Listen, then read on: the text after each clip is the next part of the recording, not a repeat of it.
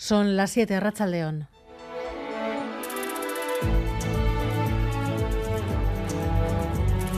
Gambara con Arancha García.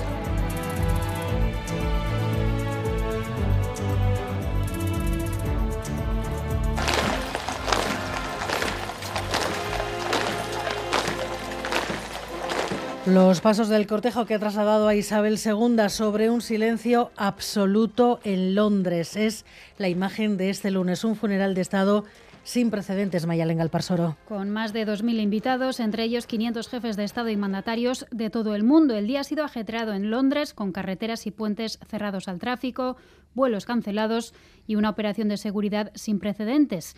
Miles de personas han seguido el paso del cortejo fúnebre en la calle y después el funeral en pantallas gigantes. Reino Unido cierra así el círculo de 10 largos días de luto. La familia real se despedirá a las ocho y media de la monarca en una ceremonia privada en la capilla de San Jorge, donde será enterrada junto a su marido y sus padres. El funeral que deja además la imagen del emérito Juan Carlos I junto a su hijo en el mismo banco, la foto para el análisis que al parecer habría pillado de improviso a Moncloa, aunque ningún portavoz la comenta. Solo Podemos critica lo que el PSOE pretende dejar en la esfera privada, Miquel Arregui. Sí, no por esperada, la imagen del rey Juan Carlos con su hijo Felipe VI no ha sido menos preocupante para Zarzuela. El gobierno español ha salido al paso de todas las críticas poniendo el foco en que el emérito ha acudido a Londres con una invitación personal, mientras que su hijo, el rey Felipe, ha sido el representante oficial del Estado. Unas explicaciones con la intención de quitarle hierro a la foto que no han bastado para Podemos, que califica el papel del rey Juan Carlos de bochornoso. Por cierto, que llama la atención que ni PSOE ni Partido Popular hayan hecho hoy ninguna valoración sobre el asunto. Y además, última hora en torno al conflicto en el metal de Álava, pendientes de una reunión que podía poner fin a la huelga convocada la primera para pasado mañana. ¿Hay preacuerdo, Lesuri Bilbao? Sí, reunión que acaba de finalizar hace 15 minutos. Los sindicatos nos confirman que hay preacuerdo entre comisiones UGT y LAB. Recordamos que los paros a partir del miércoles estaban convocados por ELA, LAB y comisiones. UGT no había convocado huelga y tras esta reunión, que como decimos acaba de finalizar, desde comisiones y LAB nos confirman que tampoco ellos llamarán a la huelga. Estamos a la espera de qué pasa con ELA, que en principio no es parte de este preacuerdo. Y a tres días del Pleno de Política General, una palabra, acuerdo, acuerdos de país para afrontar meses de mucha incertidumbre, que son los que nos vienen. Va a ser el eje del discurso del Endacari. Hoy hablan de la necesidad de acuerdo el PNV. Desde nuestra dimensión y posición invitamos a los acuerdos. Es evidente que también necesitamos instrumentos para poder desarrollar de mejor manera de nuestras capacidades. Tenemos limitaciones, pero podemos eh, abordar el futuro desde el acuerdo.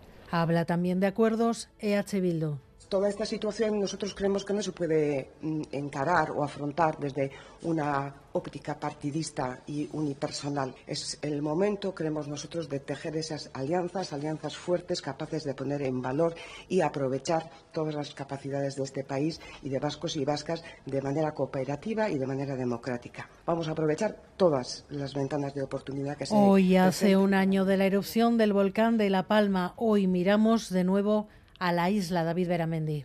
Sí, hace hoy un año empezaba la erupción volcánica en La Palma.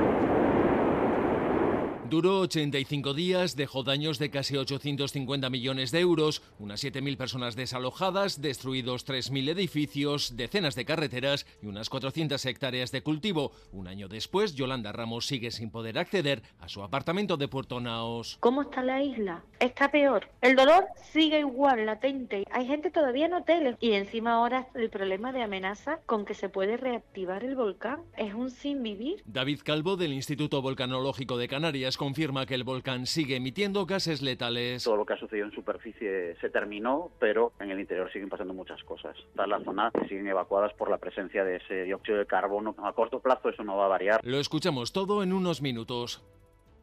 Y vamos con los deportes. John Zubieta, León. Hola, León. La Real Sociedad Femenina vivirá mañana en Anoeta un partido histórico ante el Bayern Múnich en la previa de la Champions League. Natalia Arroyo ha hablado esta tarde para mostrar su optimismo ante el reto frente a uno de los equipos más potentes de Europa.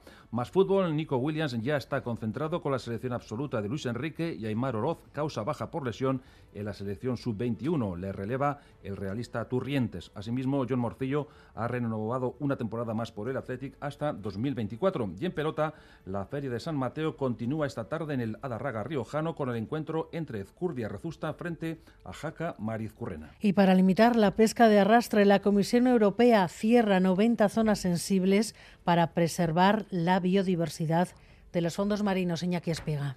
Se hará efectivo en 20 días a partir de la publicación este lunes en el Diario Oficial de la Unión Europea. Son 87 áreas, más de 16.000 kilómetros cuadrados entre Escocia y el Golfo de Cádiz. Son zonas que se consideran especialmente vulnerables ante un tipo de pesca y un tipo de redes en las que entra todo lo que interesa y lo que no. Javier Peña es divulgador científico. Redes que van arrasando con todas las plantas marinas, con los corales y va cogiendo absolutamente todo lo que hay sin ningún tipo de selección. Y lo que no interesa se desecha y vuelve al mar por la borda de los buques. Son más de 8.000 los barcos europeos que pescan en aguas profundas entre los 400 y los 800 metros, arrastreros pero también palangreros y 22.000 las personas que trabajan en ellos.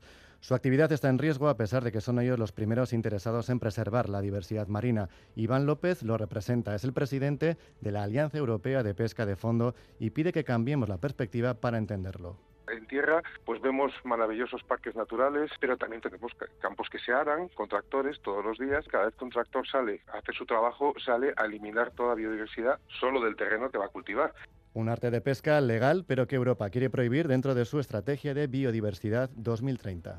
Miguel Ortiz y Alberto Subeldía en la dirección técnica, Cristina Vázquez en la producción. Gambara, con Arancha García.